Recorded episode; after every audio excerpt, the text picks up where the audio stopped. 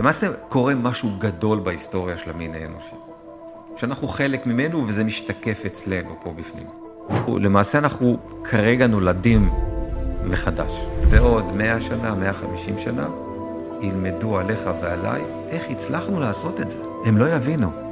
למה? תוך כדי תנועה, תוך כדי קיבוץ גלויות, קבוצות ממקומות שונים, דעות שונות, תרבויות שונות, מסוגים שונים, מוקפים אויבים, תוך כדי קרבות. איך עשיתם את זה? אתה יודע כמה דוקטורטים יכתבו עליך ועליי? אני הערכתי, הם לא יצליחו להבין. אני לוקח את גורלי בידי. אלפי שנים לא היה גורלי בידי. אוקיי, אז אני, אז אני אשמח, כן. היינו פילוסופים מדי. ממש, לא אם מדי. נחזור, כן, כן. לא אם מדי, זה נחוץ כדי להבין. אה, אנחנו צריכים להגיד, חבר'ה, תבואו עם רעיונות. בוא נגיד לסינואר, תבואו אתה עם רעיונות. בוא נגיד לאירופאים, תבואו אתם עם רעיונות. אנחנו לא יודעים. אנחנו יודעים שמה שהיה אסור שימשיך. ואני ממש ממש לא אוהב את הפוליטיקאים שחושבים שהם יודעים מה טוב. עברנו את זה כבר. כל אחד יודע מה טוב. ואני יודע דבר אחד, אני יודע שאופטימיות מגבירה עוצמה.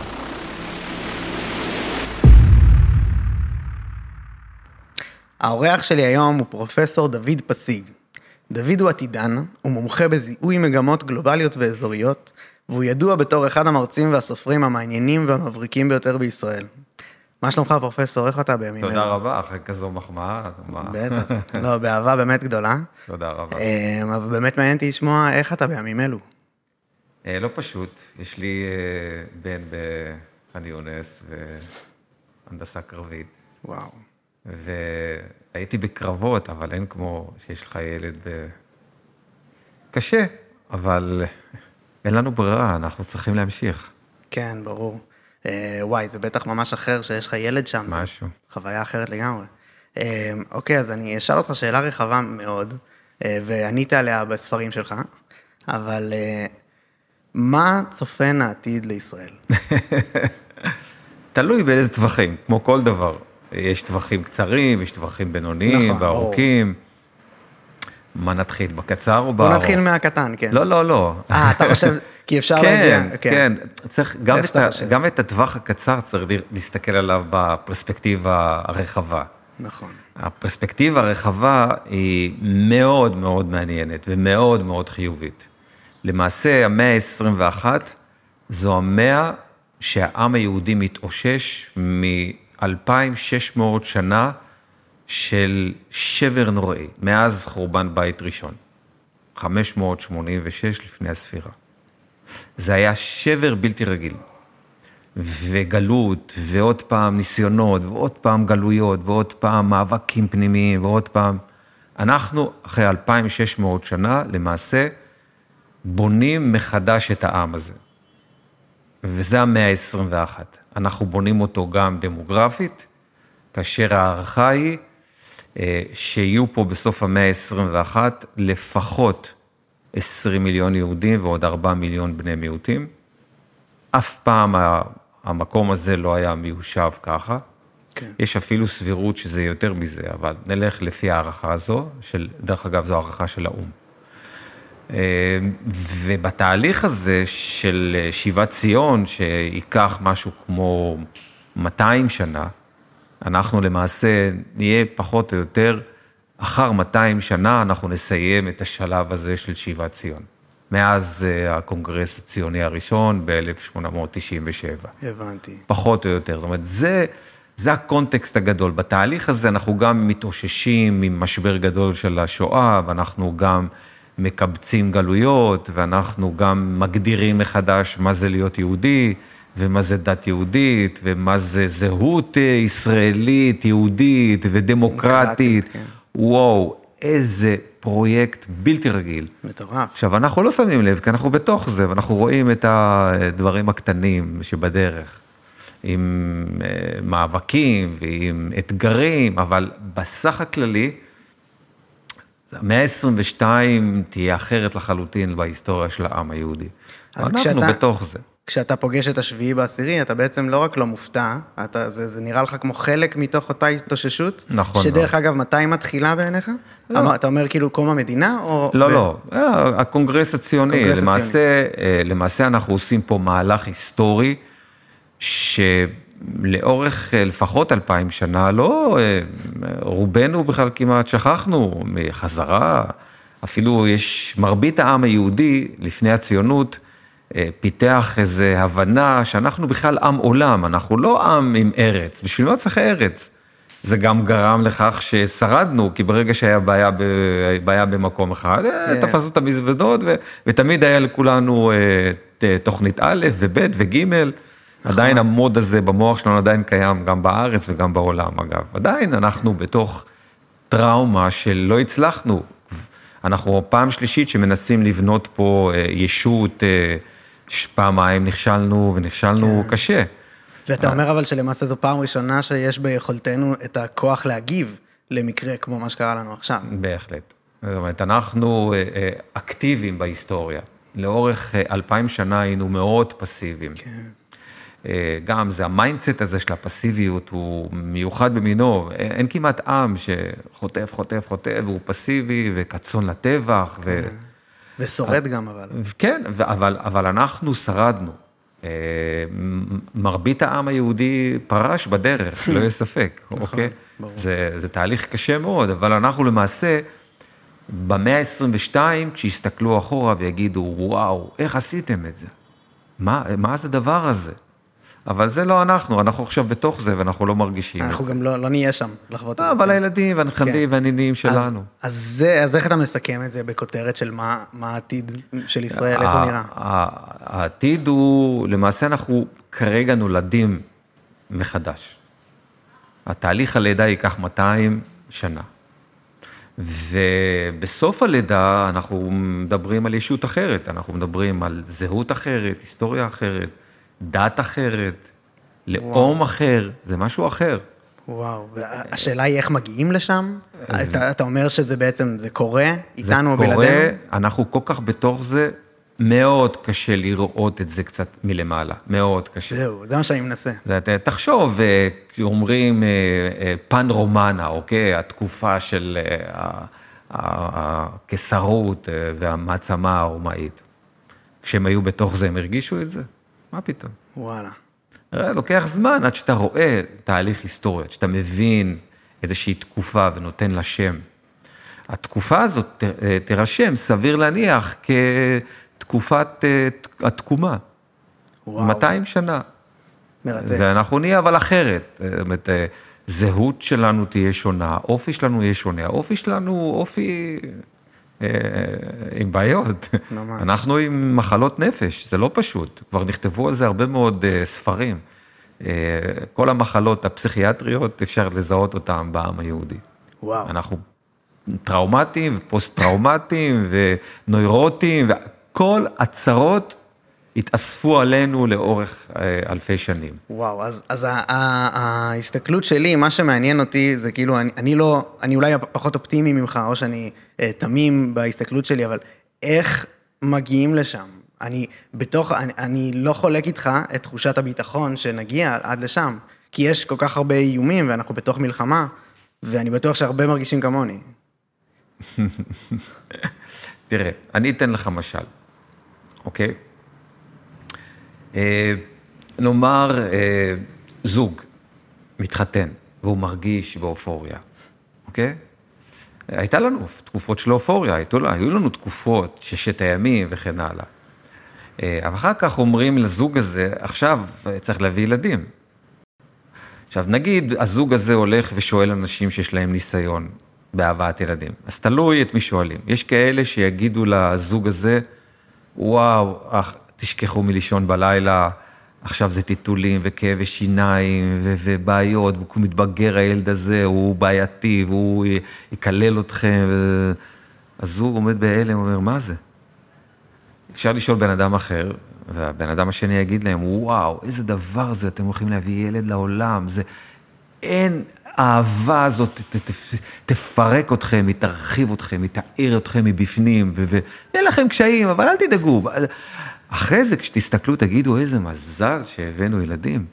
איזה נותן משמעות, זה נותן. אנחנו אנשים שונים, הילדים היום משנים אותנו. עכשיו, זה הכל תלוי בנקודת המבט. אנחנו קוראים לזה בחקר העתיד, זה להסתכל על העתיד מנקודת מבט תהליכית, או מנקודת מבט של נקודות ציון. עכשיו, אלה שרואים רק את התהליכים, את הכאבים, ואת החוסר שינה, ואת הבלגן, והמחלות, ווירוסים, ואף נוזל, יכולים להרים ידיים, להגיד, בשביל מה להביא ילדים לעולם? לא רוצה. ויש אנשים שמגיעים למסקנות הללו. אחרים שרואים נקודות ציון אומרים, וואו, איזה יופי, הלידה, איזה חוויה בלתי רגילה. היא מדממת, היא כואבת, אבל זו חוויה בלתי רגילה. אחרי זה, וואו, הילד נכנס לגן, איזה דבר זה, והילד אומר, אבא, אימא, ואחר כך הילד הזה מגיע לבר מצווה, והוא מדבר בפני קהל של 300-500 איש, מרביץ איזה ספיץ', וואו, ואחרי זה הוא איש צבא, ואחרי זה הוא מביא ילדים, נכדים. כל אלה שרואים נקודות ציון, הרבה יותר אופטימיים. הבנתי. אלה שרואים את התהליך הכואב של, של, של נקודות הציון הללו, נוטים להיות הרבה יותר פסימיים. וואו. וזה שתי נקודות מבט אה, בסך כן, הכל לא, למציאות. אני, אני יכול לתת הצדקות ללמה להסתכל על הדברים בצורה תהליכית, אבל אתה פה האוטוריטה ואני גם רוצה... נכון, עכשיו, כששואלים אותי, כן. אם לא שמת לב, שאלת אותי על נקודות הציון, לא שאלת אותי על התהליך, כי התהליך הוא קשה, הוא כואב. התהליך הוא לא פשוט.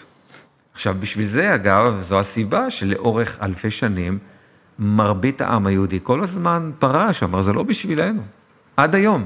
אפילו אנחנו נמצאים בתקופה הכי טובה של העם היהודי בהיסטוריה, כן. והממוצע של uh, התבוללות בעולם זה 62-64 אחוז. זה מטורף, זה התופעה מטורף. הזו. אני רוצה להקריא לך ציטוט שלך, 아, אוקיי. ברשותך, שפשוט ממש אומר את זה מדהים.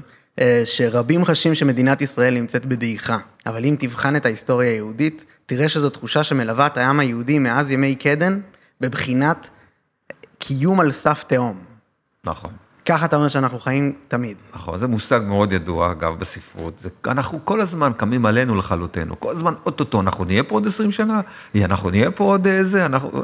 וזה, אגב, אנחנו לא הקבוצה היחידה בעולם שחיים ב mindset הזה. נכון, זה בטח עולה יש מחקר מאוד יפה שזיהה שש קבוצות כאלה בעולם, אוקיי?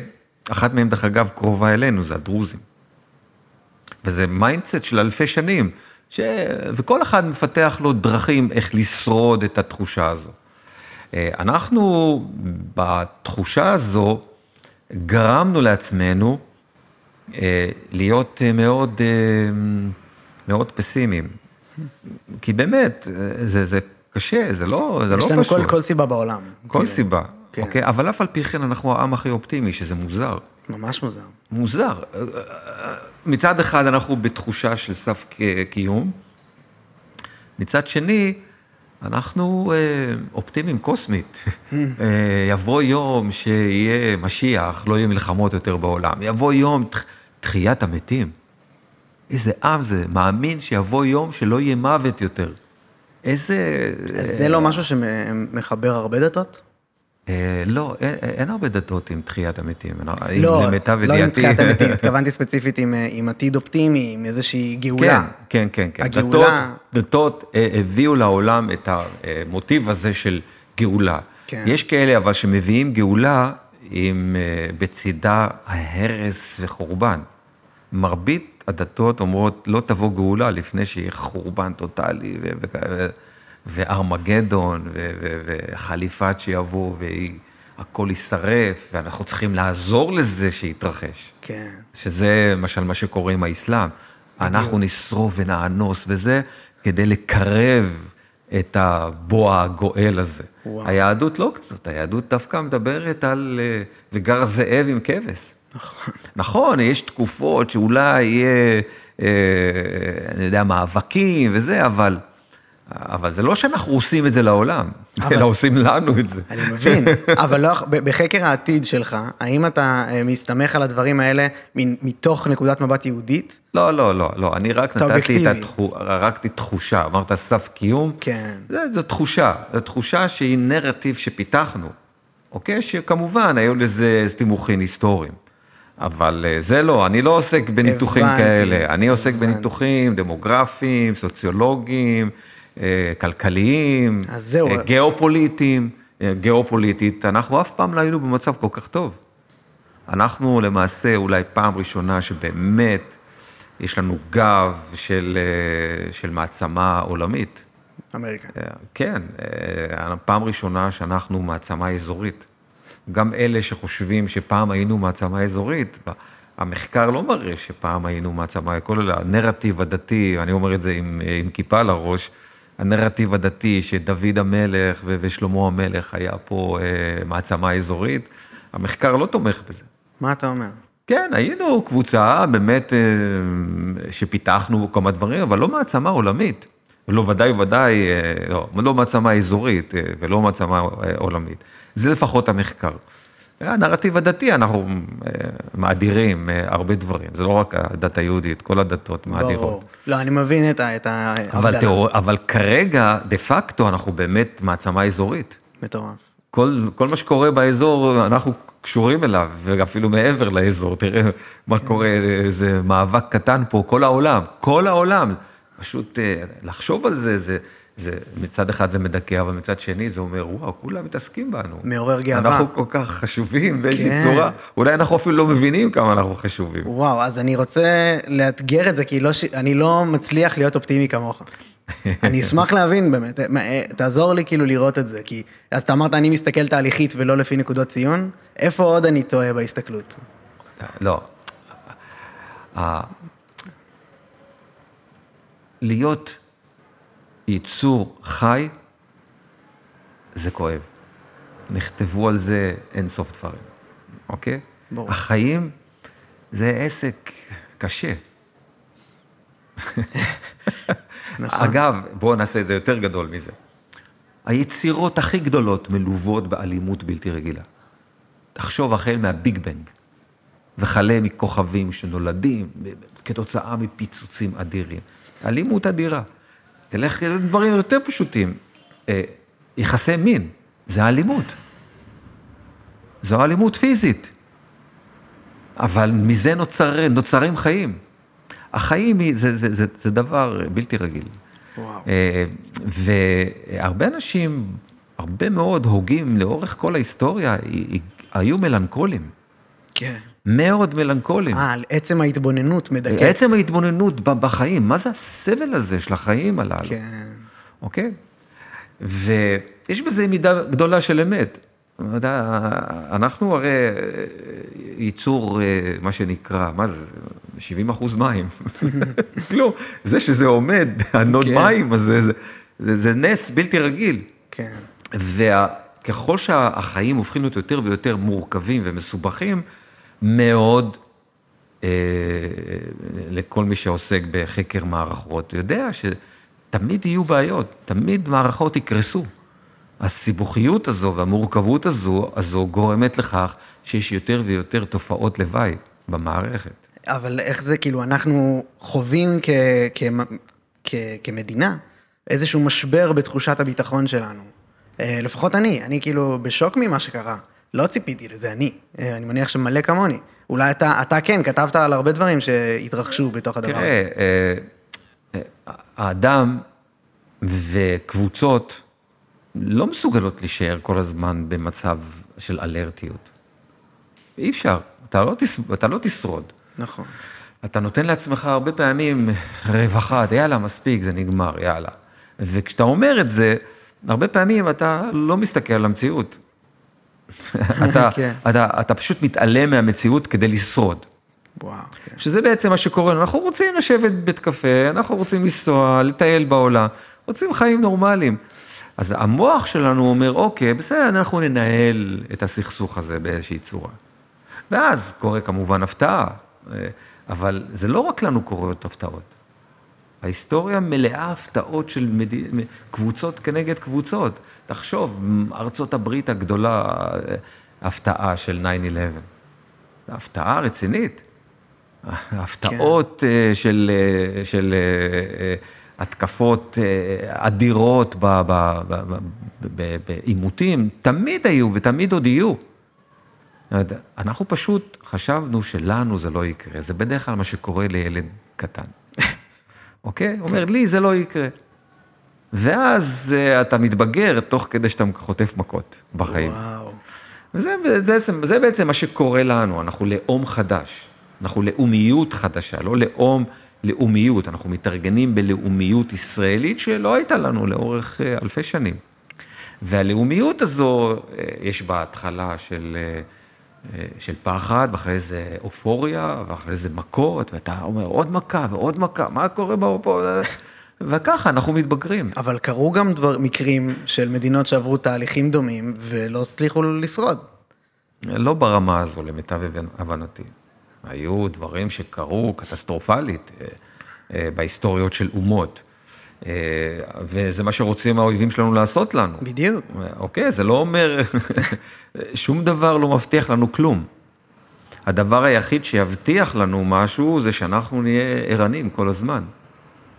ו- וזה מאפיין כל ייצור על פני הכדור הזה, תחשוב על כל בעל חיים, איך הוא מתהלך כל הזמן בבהלה. כל כן. הזמן אלרטי. כי הבסיס של הקיום הוא כאב, כמו שאמרת. הבסיס של הקיום הוא תחרות בלתי רגילה, כן. של או אתה או אני, זה, זה איום ונורא. והמנוע של זה זה אלימות וכאב. והמנוע של זה אלימות, והמנגנון אה, שגורם לך לשרוד זה הפחד. כן. עכשיו, כשאתה לאה, לאה, מוריד מעצמך טיפה את תחושת הפחד, אז מישהו אחר מנצל את זה. וואו. אוקיי, אז אני, אז אני אשמח, כן. היינו פילוסופים מדי. ממש, לא אם מדי. נחזור, כן, כן. לא אם מדי, זה נחוץ כדי להבין, באמת. אני, אני אה, שומע ורואה הרבה דברים שלך, וכאילו זה מבהיר לי לא מעט מה שקורה. אז אה, אוקיי, אני אשמח כן לחזור, אבל כאילו האויבים שלנו, והקואליציה האיראנית, והמזרח התיכון, ואנחנו בתוך זה. תתאר לי את העתיד, כמה שאתה מבין אותו בהקשר הזה. אז שוב, בוא נסתכל גבוה מאוד. כן. כדי להבין... את היום ואת הרגע, אתה צריך להסתכל רחב ורחוק, ואז אתה יכול לראות את ההווה קצת יותר בבהירות. כן. אוקיי? למה? כי אנחנו נמצאים, בש... ב... אנחנו נמצאים, אני מדמה את זה לפעמים, ל... אנחנו נעים בתוך רכבת מהירה מאוד. המון שינויים תוך כדי תנועה. העסק מאוד מאוד דינמי. אם אתה יושב ברכבת כזו ואתה מנסה להסתכל דרך החלון על ה... אה, על המסילות, אתה לא תראה כלום. המהירות גורמת לכך שהכל נראה לך מרוח.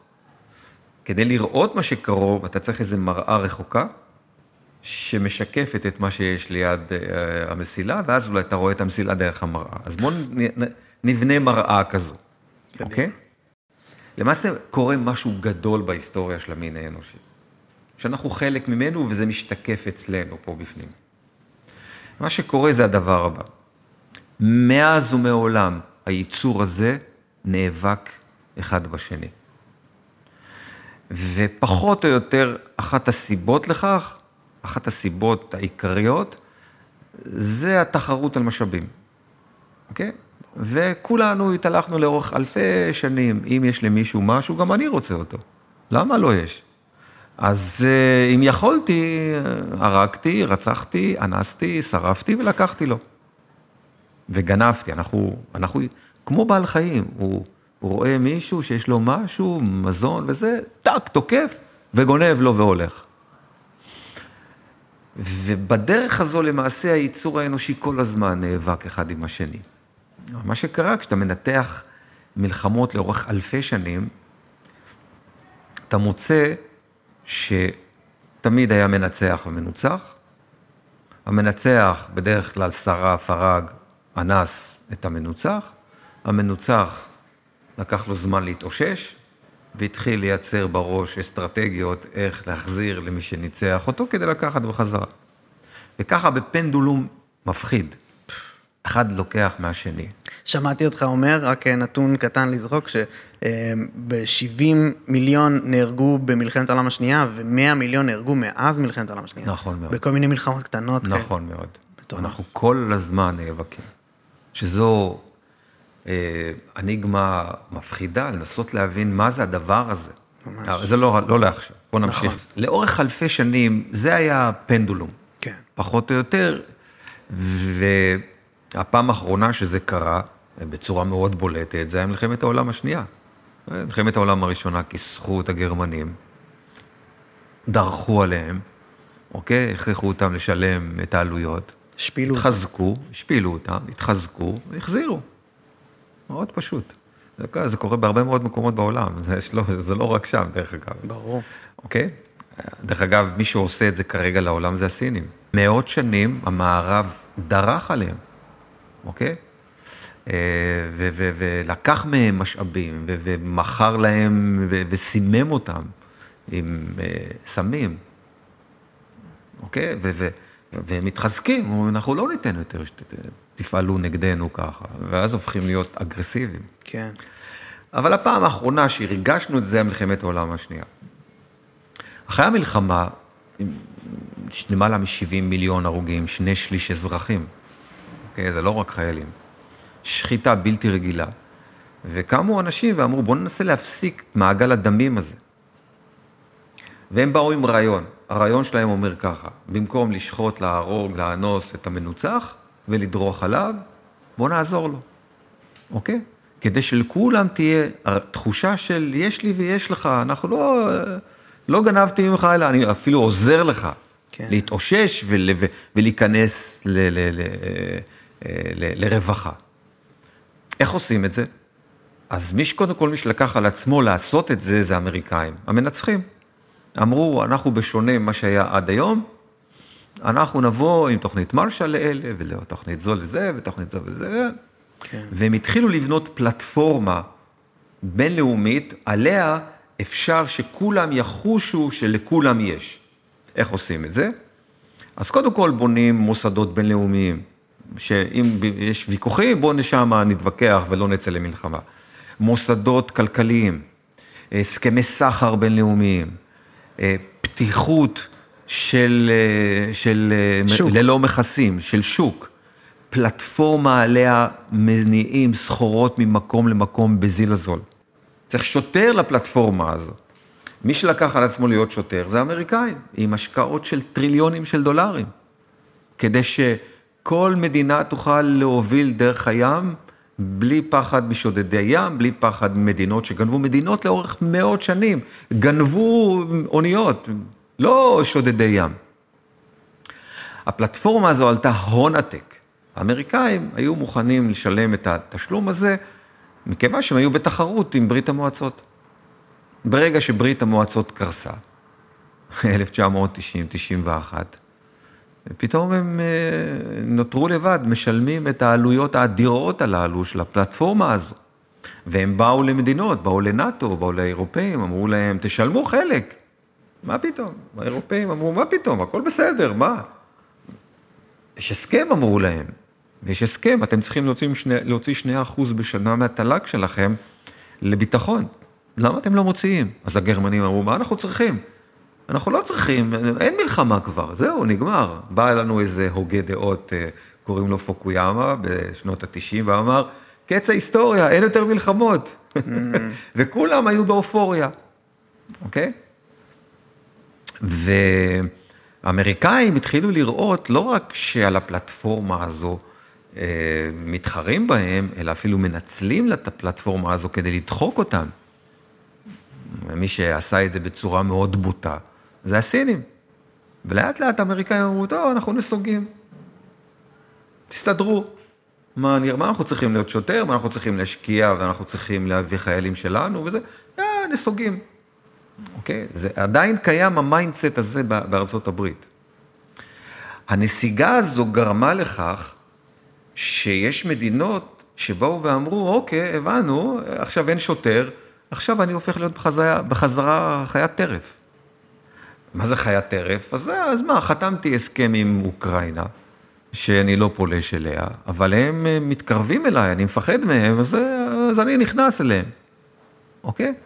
ולמעשה, הפלטפורמה הגדולה הזו שקראנו לה גלובליזציה, חטפה מכה רצינית, והיא נמצאת בתחילת רק המכה שהיא, שהיא חטפת. אנחנו נכנסים לעשור לפחות, שבו הפלטפורמה הגדולה של הגלובליזציה נכנסת למשבר גדול מאוד. היום אנחנו נמצאים באותה, באותו שלב בהיסטוריה שבו אה, אנחנו מתחילים להבין, המדינות מתחילות להבין שאי אפשר יותר לסמוך שאתה חותם חוזה עם אוקראינה כדי שישלחו לך אה, חיטה, אבל מישהו אחר סוגר את המעברים ועושה בלוקד, ואתה לא תקבל את החיטה. לא יקבל חיטה, אני אמות מרעב. לא יקבל הליום, לא יקבל אה, ברזל, לא יקבל זה, אני כבר לא יכול לסמוך, אוקיי? וה, והאירופאים מתחילים להבין שהם הם לא יכולים לסמוך יותר. להביא גז ונפט בחינם, בזול, ממקום, מכל המקורות, הסינים. אה, אנחנו מתחילים לפחד, כולם מתחילים לפחד שארצות הברית תעשה, אה, תחסום את מצרי מעלקה, ואז 80 אה, אחוז מהנפט והדלק שמגיע לסין יהיה חסום. וכולם נכנסים לפחדים הקמאיים שהיו מאז ומתמיד, שאם אני לא אדאג לעצמי, יכול לבוא לי יום שאני לא יהיה לי. לא יהיה לי, זה לא יתקיים, לא אחיה, יהיה לי, אהיה רעב. המושג, המושג של רעב חזר פתאום לתודעה של כולנו. כי יש הרבה מאוד מדינות שברגע שקרה המשבר הזה באוקראינה, כולם נבהלו, אנחנו יכולים להיות ברעב. כן. משהו, מילה שלא חשבנו עליה כבר 50-80 שנה. במערב. בכל העולם. גם היה באפריקה. מעט מאוד מקומות כן. שקרה רעב, זה לא קרה בגלל שהיה חסר, זה קרה בגלל שחיתות. היום אנחנו יודעים, דווקא כשהביאו אה, עזרה למקומות שהיו בהם אה, אירועים אה, כאלה של רעב, השחיתות גרמה לי יותר רעב. כמה דברים, ברשותך. אחד, הדוגמה שנתת לזה שאמריקאים באו כשוטר ועשו סדר בקטע של במקום להשפיל ולדרוס בסוף מלחמה, אלא לחזק ולתמוך, זה דוגמת כאילו גרמניה, יפן והדברים המוצלחים שאנחנו רואים שם היום, נכון? תחשוב על ארצות הברית שמרגישה שהיא פריירית, והיא נסוגה.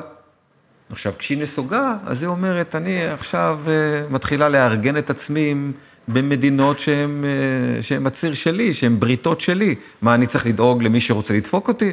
אני רוצה לדאוג רק למי שחלק מה, מצורת החשיבה שלי וכן הלאה, ומתחילות לארגן, המדינות המערב, הדמוקרטיות, מתחילות לארגן את העולם שוב בצירים. כמו שהיינו לפני מלחמת העולם השנייה. וואו, וזה עלול להוביל. והציר שהם הכינו פה בהשקעה אדירה ובמאמץ אדיר, זה הציר המזרח תיכוני. הסכמי אברהם קראנו להם, אוקיי? הציר הזה היה חייב להתחזק על ידי צירופה של, של ערב הסעודית, אוקיי? הצירוף של ערב הסעודית היה משנה לחלוטין את האזור. הישראלים לא כל כך מבינים מה המשמעות של צירוף, זה לא רק הסכם שלום שאנחנו נוכל לטוס אה, לזה, אה, אה, לערב הסעודית, זה לא, זה לא הסיפור. הסיפור הוא הרבה יותר גדול, כי הסיפור הוא שברגע שאתה עושה ברית אזורית, אז למשל, אחד הדברים, אחד הפרויקטים, זה לייצר מסילת ברזל שמגיעה כן. מהודו, אוקיי? ועוברת לאירופה דרך ערב הסעודית ומגיעה לאשדוד. כן. ו, ו, ומוזילים מאוד את התנועה של סחורות בעולם לכיוון אירופה. אתה לא צריך לעבור דרך הבלגן הזה של באבל מנדב כרגע עם החות'ים, ודרך אה, אה, אה, סואט, שמדי פעם נסתם בגלל שזה אונייה עושה איזה סיבוב לא נכון, ו, ושבועיים חסמה את כל התעבורה של אוניות לכיוון אירופה. אז אתה חותך את זה ב... עכשיו, הדבר הזה מאוד מפחיד את הסינים. בדיוק. זה רק פרויקט אחד, יש פרויקט יותר גדול. הפרויקט זה לעשות תעלה מאילת לכיוון אה, צפון הרצועה, תעלת ים של 200 מטר, ולהתחיל להעביר סחורות אה, דרך הים, כן. לכיוון אירופה. זאת אומרת, אתה משנה לחלוטין את האזור הזה, אבל הציר שכנגד, הסינים מבוהלים. וזה, הסינים זה עם איראן? ועכשיו הצירים שמתארגנים זה ככה. כן. רוסיה, סין, איראן, צפון קוריאה, ונצואלה, קובה. אה, התחלנו להתארגן בצירים. עכשיו, כשהציר ההוא מתחיל לראות שאתה בונה ציר כזה חזק, משמעותי, אז הוא רוצה לתקוף אותו. הוא לא רוצה שהציר הזה יתפתח. חמאס זה עוד איזה פרוקסי, שלוח כזה, שעושה חלק מהעבודה, כן. כדי שזה לא ימשיך להתפתח. זה היה, בעת, כמו שאומרים, שזה היה במטרה, כל ה... אחת המטרות. להרוס את הסכמי אברהם. כן, אחת המטרות. אוקיי, יש עוד הרבה מטרות. יש עוד הרבה, לזה. כן. בסדר? כי תמיד זה הרבה מאוד דברים יחד שחוברים. עכשיו, אני, אני מנתח לך תהליך היסטורי מנקודת מבט אחת, חד-ממדית של, של משאבים ושל אה, כלכלה. כן. Okay, אוקיי, ולמעשה, זה חד-ממדי, כי אנחנו מתעוררים היום להבין שאפילו אם אתה נותן לכולם רווחה, זה לא מספיק. התפיסת העולם הזו, שהכל בגלל כלכלה, שהעולם המערבי מאוד אה, דומיננטי בתפיסת העולם הזו, התחילה לקרוס. אנחנו בחקר העתיד טוענים שמה שגורם למלחמות זה לא רק התחרות הזו בין, אה, על משאבים, אלא זה הפחדים שעמוק בתוכנו. ואנחנו טוענים שיש שישה פחדים, שכשהם חוברים יחד, לא משנה מי יהיה המנהיג, הוא, הוא יצא למלחמה. זה פחדים של הגיאוגרפיה, הגבולות שלך. אנחנו בארץ מבינים את זה היטב. כן. האמריקאים לא מבינים מה זה פחד גיאוגרפי, אם כאלה שגרים אה, בגבול מקסיקו, כן. אז מבינים את זה. אה, אה, פחד טופוגרפי, המבנה של הקרקע שעליה אתה יושב. זאת אומרת, אם אתה גר על הר, או גר ליד נהר, או גר בחוף ים, זה משפיע על, על האופי שלך. אם אתה גר על הר, ההר משפיע עליך. יש ספרות מאוד מעניינת שמדברת על כך למה ההינדואיזם מתפתח באזור כזה, במזג אוויר כזה, והאסלאם פה, והיהדות פה, והנצרות פה. מאוד, הטופוגרפיה היא משמעותית. איך קוראים לזה אצלנו? האדם הוא תבנית נוף ילדותו. התבנית יש לה משמעות. אבל התבנית הזו לא רק מייצרת את האופי שלך, היא גם משפיעה על הפחדים שלך. כי אם אתה על הר, אתה פחות מפוחד שייכנסו אליך, אתה על הר. אבל אם אתה על נהר, אתה כל הזמן מפחד. ואם אתה בכלל ליד ים, אתה הופך להיות איש עסקים בינלאומי, אתה לא מפחד בכלל. זה מה שקורה, התל אביבים הם יותר שמאלנים. למה? כי הם יותר גלובליים, הם ליד ים, הם פותחים, האופק שלהם הרבה יותר פתוח. זה קורה בכל העולם, דרך אגב. כן.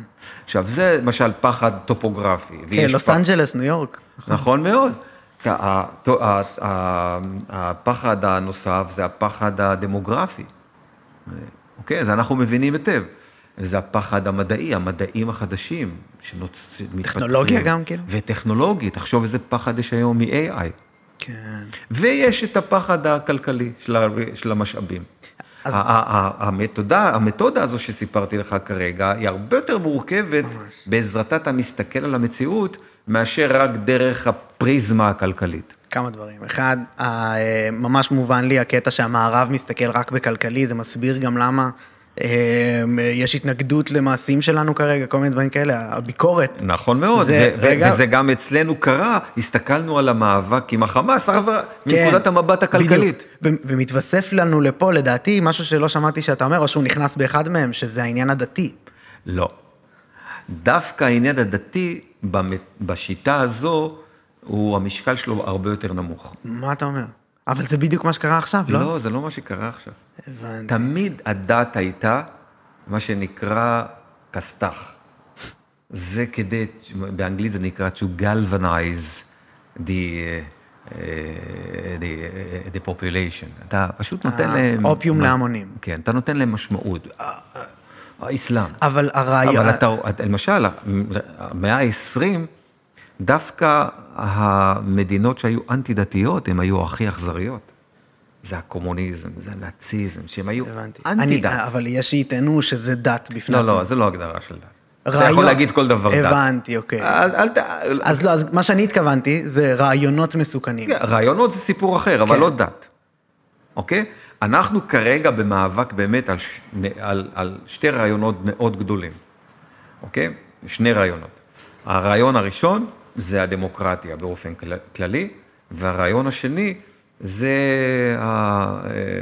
הדיקטטורה או המריטוקרטיה, יש הרבה מאוד שיטות אחרות. הבנתי. המין האנושי באמת נאבק על דעות, הרי צריך לצאת מנקודת הנחה שכולנו מחפשים טוב. אף אחד לא רע.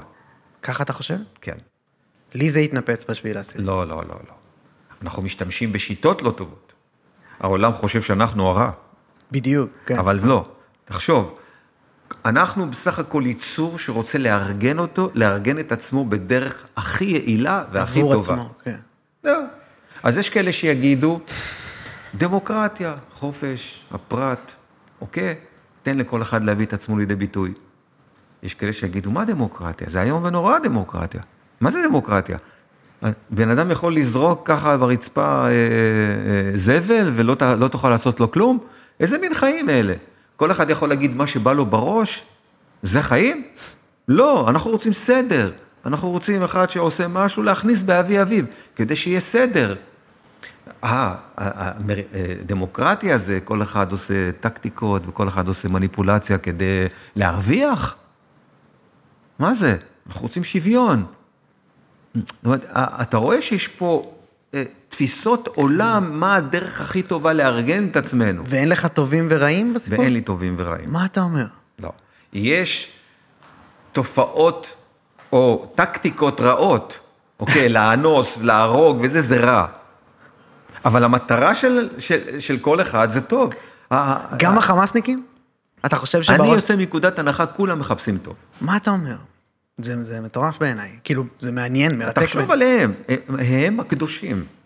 תסתכל מנקודת המבט שלהם. אבל הם חושבים על... אה, אה, העליתי את זה כמה פעמים בפודקאסט, שהיה את המקרה של הילד שהתקשר, בטח שמעת את זה, שכזה מתקשר, הרגתי עשרה במו ידיי, הוא אומר לאבא שלו ולאחים שלו וזה, והם כולם ממש שמחים וצוהלים, ואז אה, האימא אומרת לו... מנקודת המבט שלהם, הם הרגו את הרוע. לא, אז האימא אומרת לו, זהו, הרגת, בוא, תחזור לעזה, אתה תחזור אליה. זה האימא. הוא אומר, זהו, בר- ברגע של חוסר אמונה. אז הוא אומר לה, אין לחזור, זה רק לגן עדן מפה. אבל שוב, אני רוצה שתבין, יש שני, שתי רמות. הרמה הראשונית זה אתה שוטף לאנשים את המוח כדי שהם יפעלו כמו שאתה רוצה שהם יפעלו. אבל אלה שמנהלים את אה. הקרבות, אוקיי? המטרות שלהם, כל אחד חושב שהוא קדוש. פה, לא, שלא יהיה לנו ספק, אוקיי? כל אחד, יש לו את הגיבורים שלו. כל אחד יש לו מטרות גדולות, גבוהות, שהוא רוצה להשיג. תחשוב, הקומוניזם לא חשב שהם מביאים גאולה לעולם? ברור שהם חשבו. הנאציזם לא חשבו שהם מביאים גאולה לעולם? חשבו. כל אחד חושב. אבל עדיין יש משהו אובייקטיבי שאנחנו יכולים עכשיו, להכיל, אוקיי. טוב ורע. עכשיו. אלה, אלה יהרגו מיליונים ואלה לא. אז בוא, אתה יודע מה? בוא ניקח את זה לקצה, בסדר? כן. אה, לביאה, אוקיי? יש לה גורים. האריה שלה מת. מה היא עושה? היא הורגת את הגורים שלה, די. כן? למה? כדי שיבוא עוד אריה. לא יבוא עוד אריה אם יש גורים של מישהו אחר. עכשיו תחשוב, מה זה, אכזריות או הישרדות?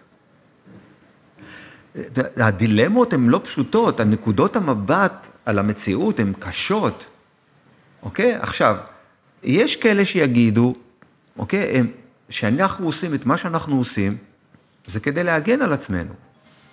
אבל, אבל המעשים שלנו הם אכזריים. תחשוב, אנחנו מפציצים את עזה בלי חשבון. הרבה אנשים אומרים, אתם אכזריים. אבל יש קו מוסר שלי מכריע. מה קו מוסר? שאנחנו לא מכוונים על אזרחים. החמאס כן כיוון על אזרחים.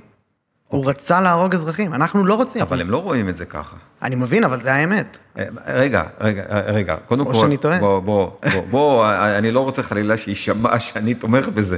אני ברור. רוצה דבר אחד שיהיה לכולנו ברור. אם אנחנו נצא מנקודת ההנחה שיש רוע טוטאלי, ויש כאלה שמאמינים שיש רוע בשביל הרוע. יש כאלה, יש כאלה דברים. אני לא בא להגיד שאין כאלה דברים. אבל אם אתה רוצה להבין את התהליכים ההיסטוריים, עדיף לחשוב שמרביתנו באמת לא מחפשים רוע, אנחנו משתמשים בדרכי רוע, אבל מרביתנו מחפשים סך הכל טוב. סך הכל שיהיה לנו טוב, לילדים שלנו טוב, וגם אכפת לי שגם לה- להוא יהיה טוב. כשהוא, כשאני חושב, מפוחד, שמה לי לא יהיה טוב, אני הופך להיות אכזרי. בדיוק. אוקיי? זה האכזריות של המין האנושי מרוב פחד. זאת אומרת, אה, הפחד הוא מי שמניע אותנו. זה נכנס בשישייה בפחד. בדיוק. הבנתי. אוקיי? אז השיטה הזו, אה, שפירטתי אותה והרחבתי עליה בספר 2048, אני מראה איך בעצם הפחדים האלה שוב עולים על גדותיהם, ומביאים את המין האנושי במאה ה-21 עוד פעם להתנגשויות. ואנחנו נמצאים באותו שלב שהפחדים גוברים. אגב, ששת הפחדים הללו אין בהם סדר, זה לא סולם, זה מטריצה. עכשיו, איך אנחנו יודעים הולכת להיות מלחמה? אז אנחנו באים וטוענים שככל שהפחדים הללו מתמזגים, יותר ויותר פחדים מתמזגים, הסיכוי למלחמה גבוה. ככל שהם אה, פחות מתמזגים, ואנחנו יכולים למדוד כמו סולם כזה, לתת אה, ברומטר כזה, כן, אה, עכשיו דירוג. 60 אחוז מלחמה, עכשיו 70 אחוז, לא, לא, עכשיו 20 אחוז מלחמה. ואתה יכול למדוד את זה. אז, אז אוקיי, אז גם נגעת במילה גלובליזציה שמעניין אותי, האם אנחנו הולכים בכיוון הזה והאם אה, זה קשור לערכים וכאלה, וגם נגעת בהיתכנות למלחמות, שמעניין אותי גם מלחמת עולם שלישית, וגם מלחמת אזרחים בישראל, שגם לגביה נגעת. אוקיי, בוא, בוא ניכנס אחד אחד, כן. אוקיי? אחד אחד. אז קודם. כל, מבחינת הגלובליזציה, נכנסנו כרגע לעשור שבו המדינות מתחילות להתארגן בצירים. כי הם, הם הבינו שמאוד קשה להמשיך אה, לסמוך על בריתות אה, גלובליות לחלוטין, ו, וים פתוח לחלוטין, ו, והסכמי סחר אה, שוויוניים לחלוטין. אתה רואה את זה בכל מיני מדינות, בדרום אמריקה, שהם עצבניים על הגלובליזציה ועל הסכמי הסחר הבינלאומיים, אומרים, זה לא עובד בדיוק לטובתנו. האמריקאים אומרים גם, זה לא עובד לטובתנו שהסינים יכולים לעשות מה שהם רוצים. אז כולם מפוחדים, מתחילים להתכנס בחזרה לצירים. בתהליך הזה אנחנו ננסה לשפר את הגלובליזציה. אין לנו ברירה. אחרת אנחנו נכנסים לתקופה שחורה מאוד בהיסטוריה, אוקיי? הדוגמה הקלאסית היא הדוגמה של אירופה. אירופה ניסתה לבנות, אחרי המכה הגדולה של מלחמת העולם הראשונה והשנייה, ניסתה לבנות אה, קהילה אירופית, כדי שיפסיקו המלחמות הללו ו- וכולם יסחרו עם כולם. אבל אה, ברגע שאתה מתחיל להיות מפוחד, שפתאום אין לך אה, נפט ואין לך גז ואין לך מזון ואין לך זה, אז אתה מתחיל להתארגן. ויש כאלה שמפוחדים דווקא בגלל ההתארגנות הזו ויוצאים. אוקיי, אז היה לנו ברקזיט ועכשיו יש לנו משהו אחר, Nexit, שזה נדרלנד, זה הולנד שרוצה לצאת. כן. אוקיי? כי הם מרגישים שדווקא הגלובליזציה הזו לא, לא מבטיחה לי כלום. אז אתה אומר המגמה הזאת של הראשי ממשלה הימניים שמרנים, נכון מאוד, זה זה, מתחזקת. זה לאומיות. זה הלאומיות. זה ההתכנסות בחזרה, לדאוג לביטחון התזונתי שלך, לביטחון האנרגטי שלך, אתה כבר כולם מפוחדים שאי אפשר יותר לסמוך על הפלטפורמה הגלובלית. כן. אוקיי? אז אנחנו נכנסים לשלב הזה, בשלב הזה תמיד יש צרות, אוקיי? בשלב הזה יש מאבק, מה מאבק? בהתחלה הוא כלכלי, מאבק דיפלומטי, אבל הוא יכול להיות גם קינטי פה ושם. אה, מה שקרה אצלנו זה מאבק קינטי, אה, להד גדול מאוד שגלובליזציה קרסה. מה זאת אומרת? מה זה, מה זה, מה זאת אומרת קינטי? קינטי זה עם אה, טנקים ועם אה, טילים. אה, הבנתי, זה מה שקורה לנו עכשיו. לנו בעזה. עכשיו. הבנתי. אוקיי? למה? כי הגלובליזציה קרסה, ולרוסים יש אה, בעיה שם, אז הם רוצים לא, להוריד תשומת לב משם, אז הם נותנים פה תמיכה כדי שזה, שפה יהיה עוד פעם, יהיה בלאגן, ו, ו, ולאיראנים יש להם תמיכה, הם רוצים, נותנים תמיכה כדי שיהיה פה בלאגן, כדי שהצירים לא, ית, לא ימשיכו להתחזק, זה חלק מתהליך הרבה יותר גדול. זה למעשה מה שקורה. אבל מתחילות עכשיו אה, אה, להיות קבוצות בעולם שמנסות להבין, אוקיי, איך יוצאים מזה? איך משפרים את, הקל... איך מתקנים את הגלובליזציה? איך נמנעים ממלחמת ונמנעים העולם, מ... אה, כבר ראינו את זה, שהצירים הללו יכולים להביא לקטסטרופות. יש לנו כבר זיכרון סומטי, קוראים לזה, וזה לא מזמן, אוקיי? אה, וזה בעצם התהליך שנכנסנו אליו, קריסה או שבר גדול, בתהליך הזה יהיו הרבה מאוד הוגים שיבואו עם רעיונות, אוקיי? וכבר יש קבוצות, מתארגנות בכל מיני מקומות, לנסות לחשוב על, על פלטפורמה חדשה. הפלטפורמה, יש כרגע כל מיני אה, אה, מודלים, אה, אבל זה ממש בתחילת הדרך של ההגות הזו. אה, הבעיה היא שהפלטפורמה הזו, היא לא תוכל להיות מבוססת אה, על מדינה אחת גדולה.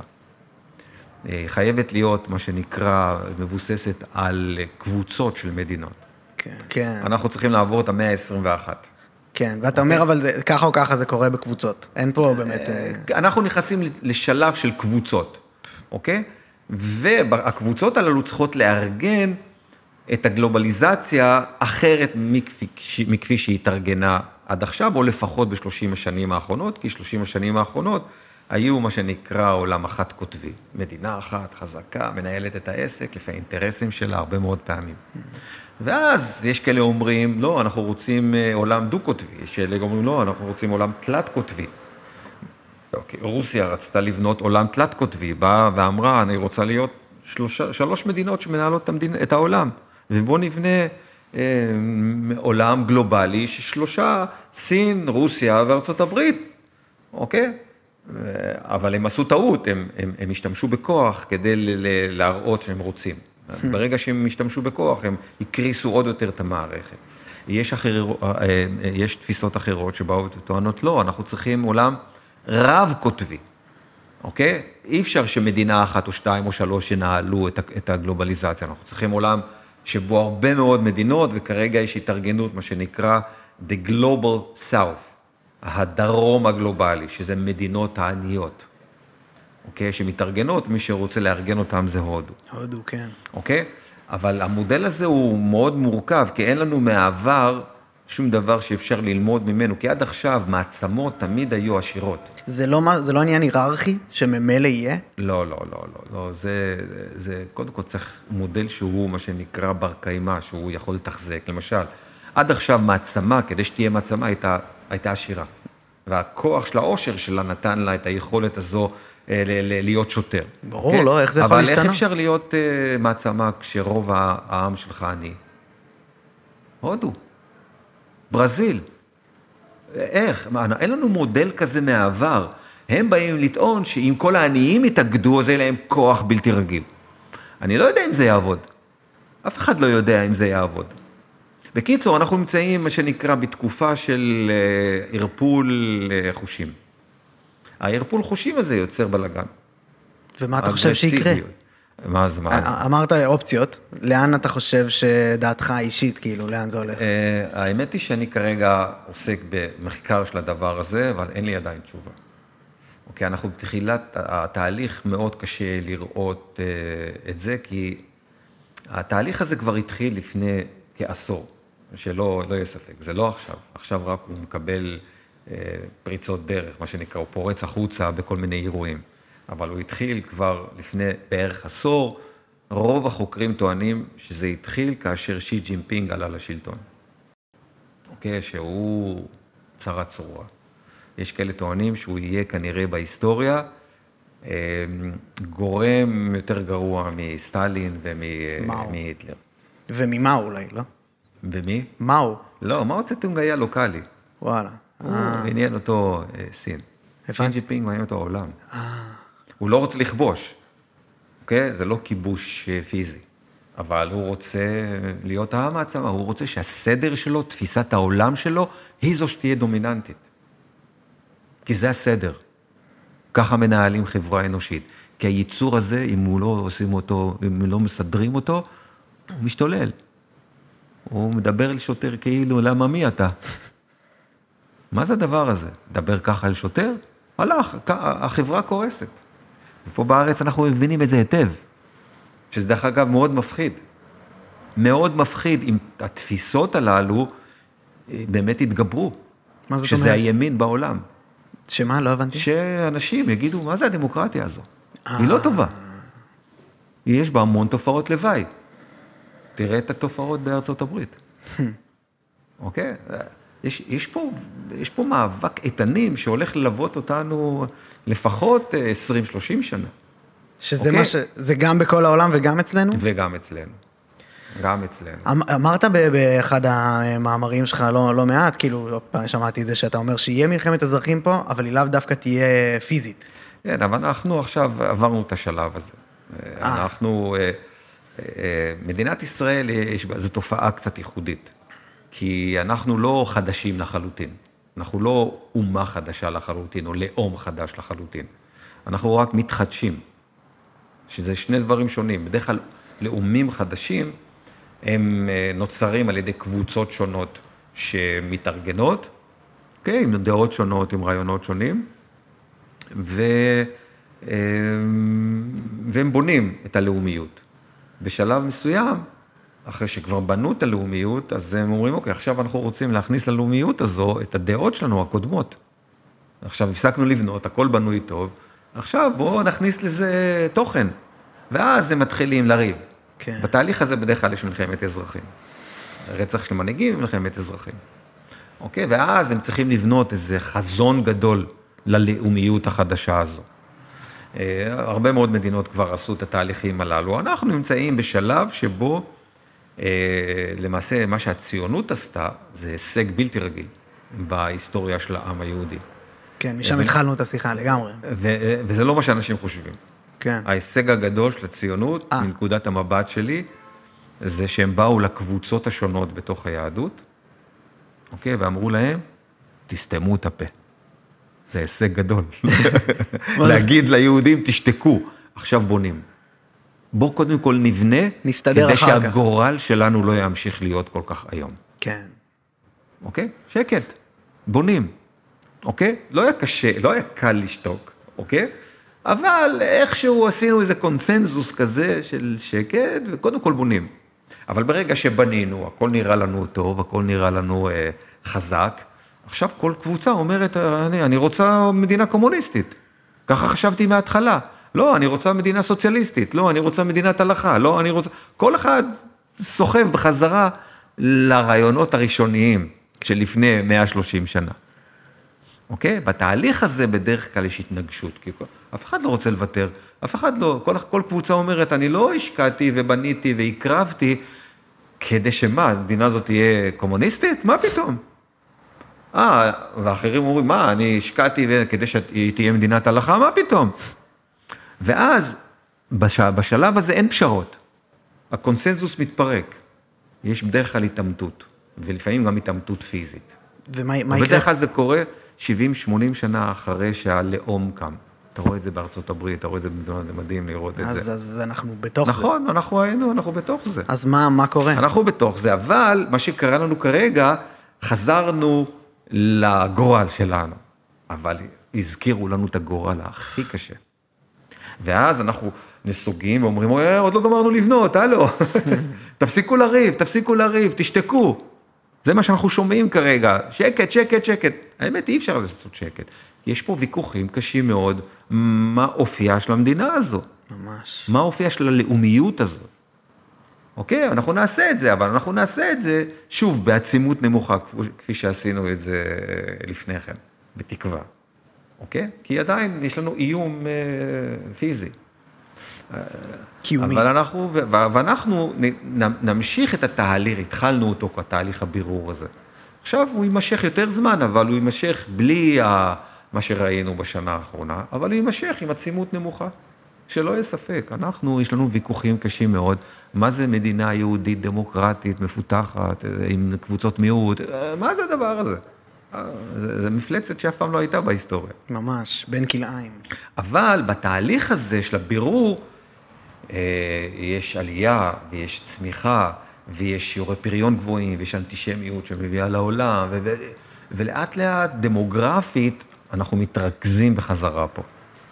ולמעשה, אנחנו כרגע עברנו נקודת ציון בלתי רגילה בהיסטוריה של העם היהודי. אחרי 2,600 שנה, הקהילה היהודית הכי גדולה יושבת בארץ ישראל. אנחנו כרגע 46 אחוז מהעם היהודי יושבים בישראל. אף פעם לא היה כזה דבר כבר 2,600 שנה. אוקיי, עכשיו, רק הנקודת הציון הזו יש לה משמעות מרחיקת לכת. וכמובן, יש אה, בעוד 15 שנים אנחנו נהיה 50 אחוז, וב-2050 אנחנו נהיה 75 אחוז, וב-2100 אנחנו נהיה 80 ומשהו, תמיד יהיו יהודים בחוץ.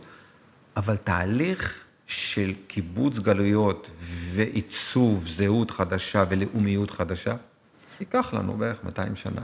כן. כדי לחזור להתחלה של הדברים, כן. אבל בתהליך הזה, ב-80 השנים הקרובות, יש לנו שני אתגרים גדולים מאוד. גדולים, ענקיים. האחד, זה קודם כל לבנות עוד שתי מדינות. שתי מדינות, אנחנו כרגע, אה, זה, שבעה מיליון יהודים ועוד שניים, שניים וחצי מיליון בני מיעוטים. אנחנו, עד 2050, אנחנו מכפילים את זה. אנחנו מגיעים למשהו כמו 16 אולי אפילו 17 מיליון אזרחים במדינת ישראל. צריך לבנות עוד מדינה. ולקראת סוף המאה צריך לבנות עוד מדינה. מה, מה, רגע, מה זאת זה אומרת? כמות.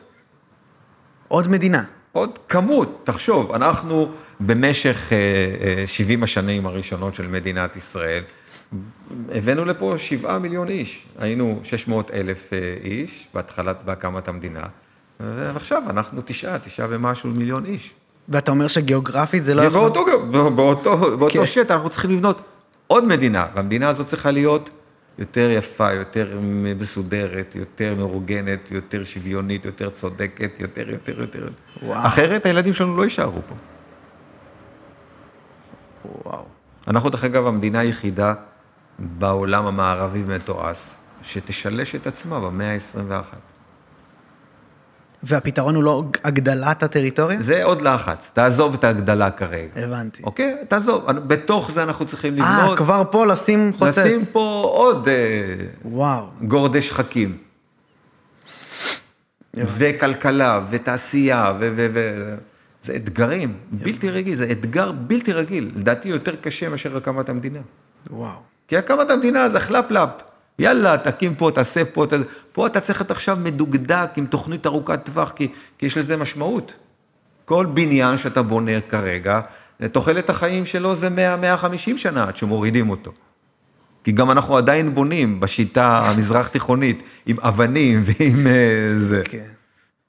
זה לא, גם בארצות הברית, שבונים בבניינים בשיטה מסוימת, 100 שנה עד שמורידים אותו ובונים משהו חדש. וואו. אז זה האתגר הראשון. זה האתגר הראשון. האתגר השני זה האתגר של הזהות. אנחנו צריכים להגדיר זהו- זהות מחדש. אז מצד אחד, אתה לא יכול להגיד, אני רוצה מדינת הלכה. אי אפשר לקיים פה מדינת הלכה. יש לזה משמעויות מרחיקות לכת, אוקיי? וזה הלכה. זו הלכה בכלל שהתפתחה בגלות. זו לא הלכה שהתפתחה בלאומיות.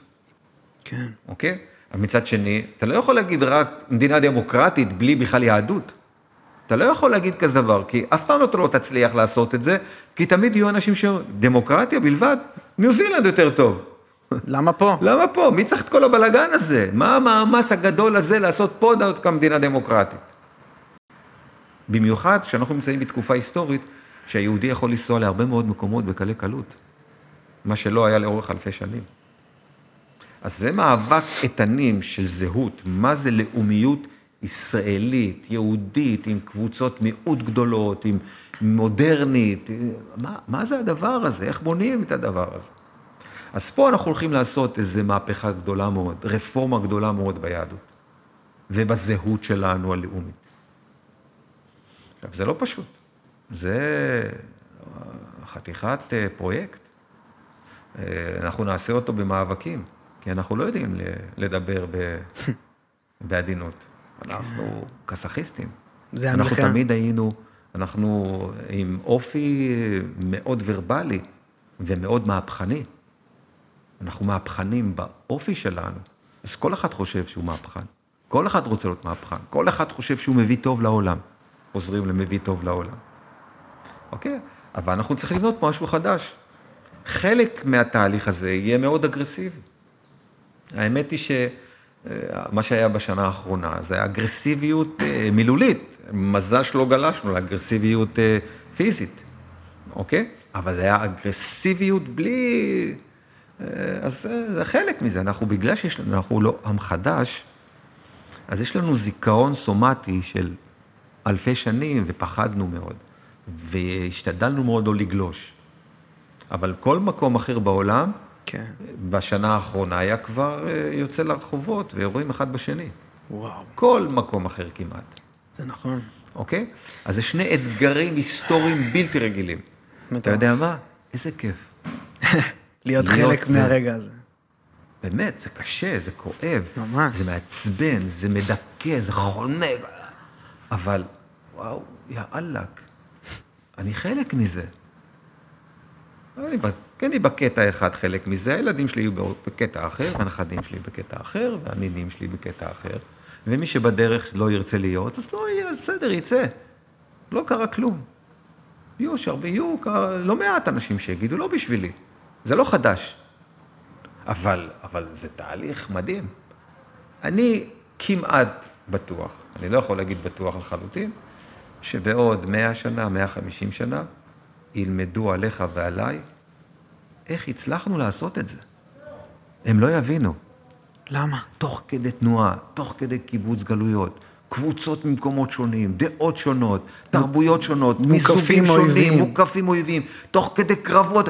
איך עשיתם את זה? אתה יודע כמה דוקטורטים יכתבו עליך ועליי? וואו. דוקטורטים. אני הערכתי, הם לא יצליחו להבין. זה יהיה, יהיה להם כל מיני תיאוריות, איך הצלחנו. אבל יהיו ויכוחים, כמו, יהיו ויכוחים, לא, אחד יגיד לא, הם הצליחו בגלל זה, לא, מה פתאום, זה אה. בגלל משהו אחר, זה, כלכלי. יחזרו לכלכלי, כן. וואו, מעניין זה ממש. ענק. עכשיו, אנחנו כל כך בתוך זה, אנחנו לא רואים את זה. מה אנחנו רואים? אנחנו רואים בקושי, בקושי מילימטר ליד האף שלנו. זהו. מטורף. אבל זה... אני שמח שאני חלק מזה. גם בגלל שאני לא נולדתי פה, אז אני יודע איך זה להיות במקום אחר. וגרתי במקומות אחרים. ואני כל כך שמח שעכשיו אני לא בצרפת, או אפילו בניו יורק. אתה יודע מה זה להתהלך בניו יורק עכשיו? כן. באוניברסיטאות הכי יוקרתיות, איזה דבר זה? כולם חשבו, וואו, ארצות הברית, איזה ארצות הברית? צרפת בכלל. אני היום יכול ללכת עם נשק. מה, בניו יורק אני יכול ללכת עם נשק? אני יכול לקנות נשק, אבל אני לא אתהלך עם נשק. כי אני אמשוך עוד יותר אש. פה זה הפוך, אני אתהלך עם נשק, אני מבריח אש. אתה יודע איזה תחושה זו? של, של ביטחון, של, של גאווה, של אני לוקח את גורלי בידי. אלפי שנים לא היה גורלי בידי. הישראלים פה לא מרגישים מה זה להסתובב ברחוב ומישהו צועק עליך סל ג'ויף, או יהודי מלוכלך, או אני אשחט אותך. פה, אם אני אסתובב עכשיו פה ומישהו יגיד לי כזה משפט, ואני מוציא את האקדח. מה זאת אומרת, תגיד לי, יהודי מלוכלך? מה זה הדבר הזה? אבל בחוץ, אם מישהו עושה לי יהודי מלוכלך, אני עושה ככה ובורח. הישראלי לא מבין מה זה הדבר הזה, ה mindset הזה, מה זה, איזה יצירתיות זה גורם. זה, זה, זה דחף אדיר ליצירה, החירות הזו. ועוד איכשהו אני גם לא בן חורין אמיתי. כי אני לא נולדתי פה, אני עדיין גלותי בראש שלי. וואו. אני עדיין מפוחד. סומטי. כן. הילדים שלי, הנכדים שלי, הם בני חורין פי כמה יותר גדולים, כי הם יכולים לקחת מזוודה, ללכת לכל מקום בעולם. אז החירות הזאת תייצר מחשבה בלתי רגילה. מדהים. מדהים. זה הקונטקסט פחות או יותר ההיסטורי שלנו. עכשיו, אני לא בטוח שאני רואה את הכל, אנחנו כל כך בתוך זה, אבל אני רואה דברים שלדעתי אחרים לא רואים. לדעתי, שוב, יש אנשים שיגידו לי, אני, אתה מטומטם, אתה, אתה נאיבי. לא, פשוט קשה להיות אופטימי כמוך. זה באמת אה, קשה. קשה, עזוב את הקשה. יש כאלה שאומרים לי, גם אומרים, אומרים לי, אתה נאיבי. בסדר. אבל אני יודע דבר אחד, אני יודע שאופטימיות מגבירה עוצמה. אנחנו רק נולדים, אנחנו מתחילים למות, אז מה? מה זאת אומרת? ש- שאופטימיות מעצימה עוצמה? אם אתה אופטימי, אתה עם הרבה יותר כוחות לפעול. אם אתה פסימי, אתה מדוכדך ואתה מתכנס. שזה אולי ההסבר למערב אל מול המזרח. כן. מעניין. והיהודים היו מאז ומתמיד אופטימיים, קוסמים. אמרנו את זה כבר כן. בהתחלה. אמ, העניין בנוגע לעזה, ספציפית. כאילו, זה קצת חוזרים למע- לאחרי שהיינו במקרו. אתה מחזיר אותי לעזה. כן. פשוט זה ממש מעניין את המאזינים ואותי. זה דורש הסבר מאוד רחב Mm. על תורת הלחימה שעושים כרגע בעולם. התורת הלחימה שהמדינות הלא דמוקרטיות עושות על המדינות הדמוקרטיות, כולל אותנו. זו תורה, תורת לחימה סדורה שהמטרה שלה להכריע את העולם הדמוקרטי. ובעזה עושים עלינו עוד פרק של, של תורת הלחימה הזו. הבנתי. לעניות דעתי הם יפסידו, כן, כי הם לא מבינים טוב. אוקיי? אבל זה דורש הרחבה. אני מבין. אוקיי, רק פשוט עם מה עושים איתם. ניצחנו, נגמר, לא יודע. מה עושים בעזה? ב... ב... אתה יודע, קצרה או משהו.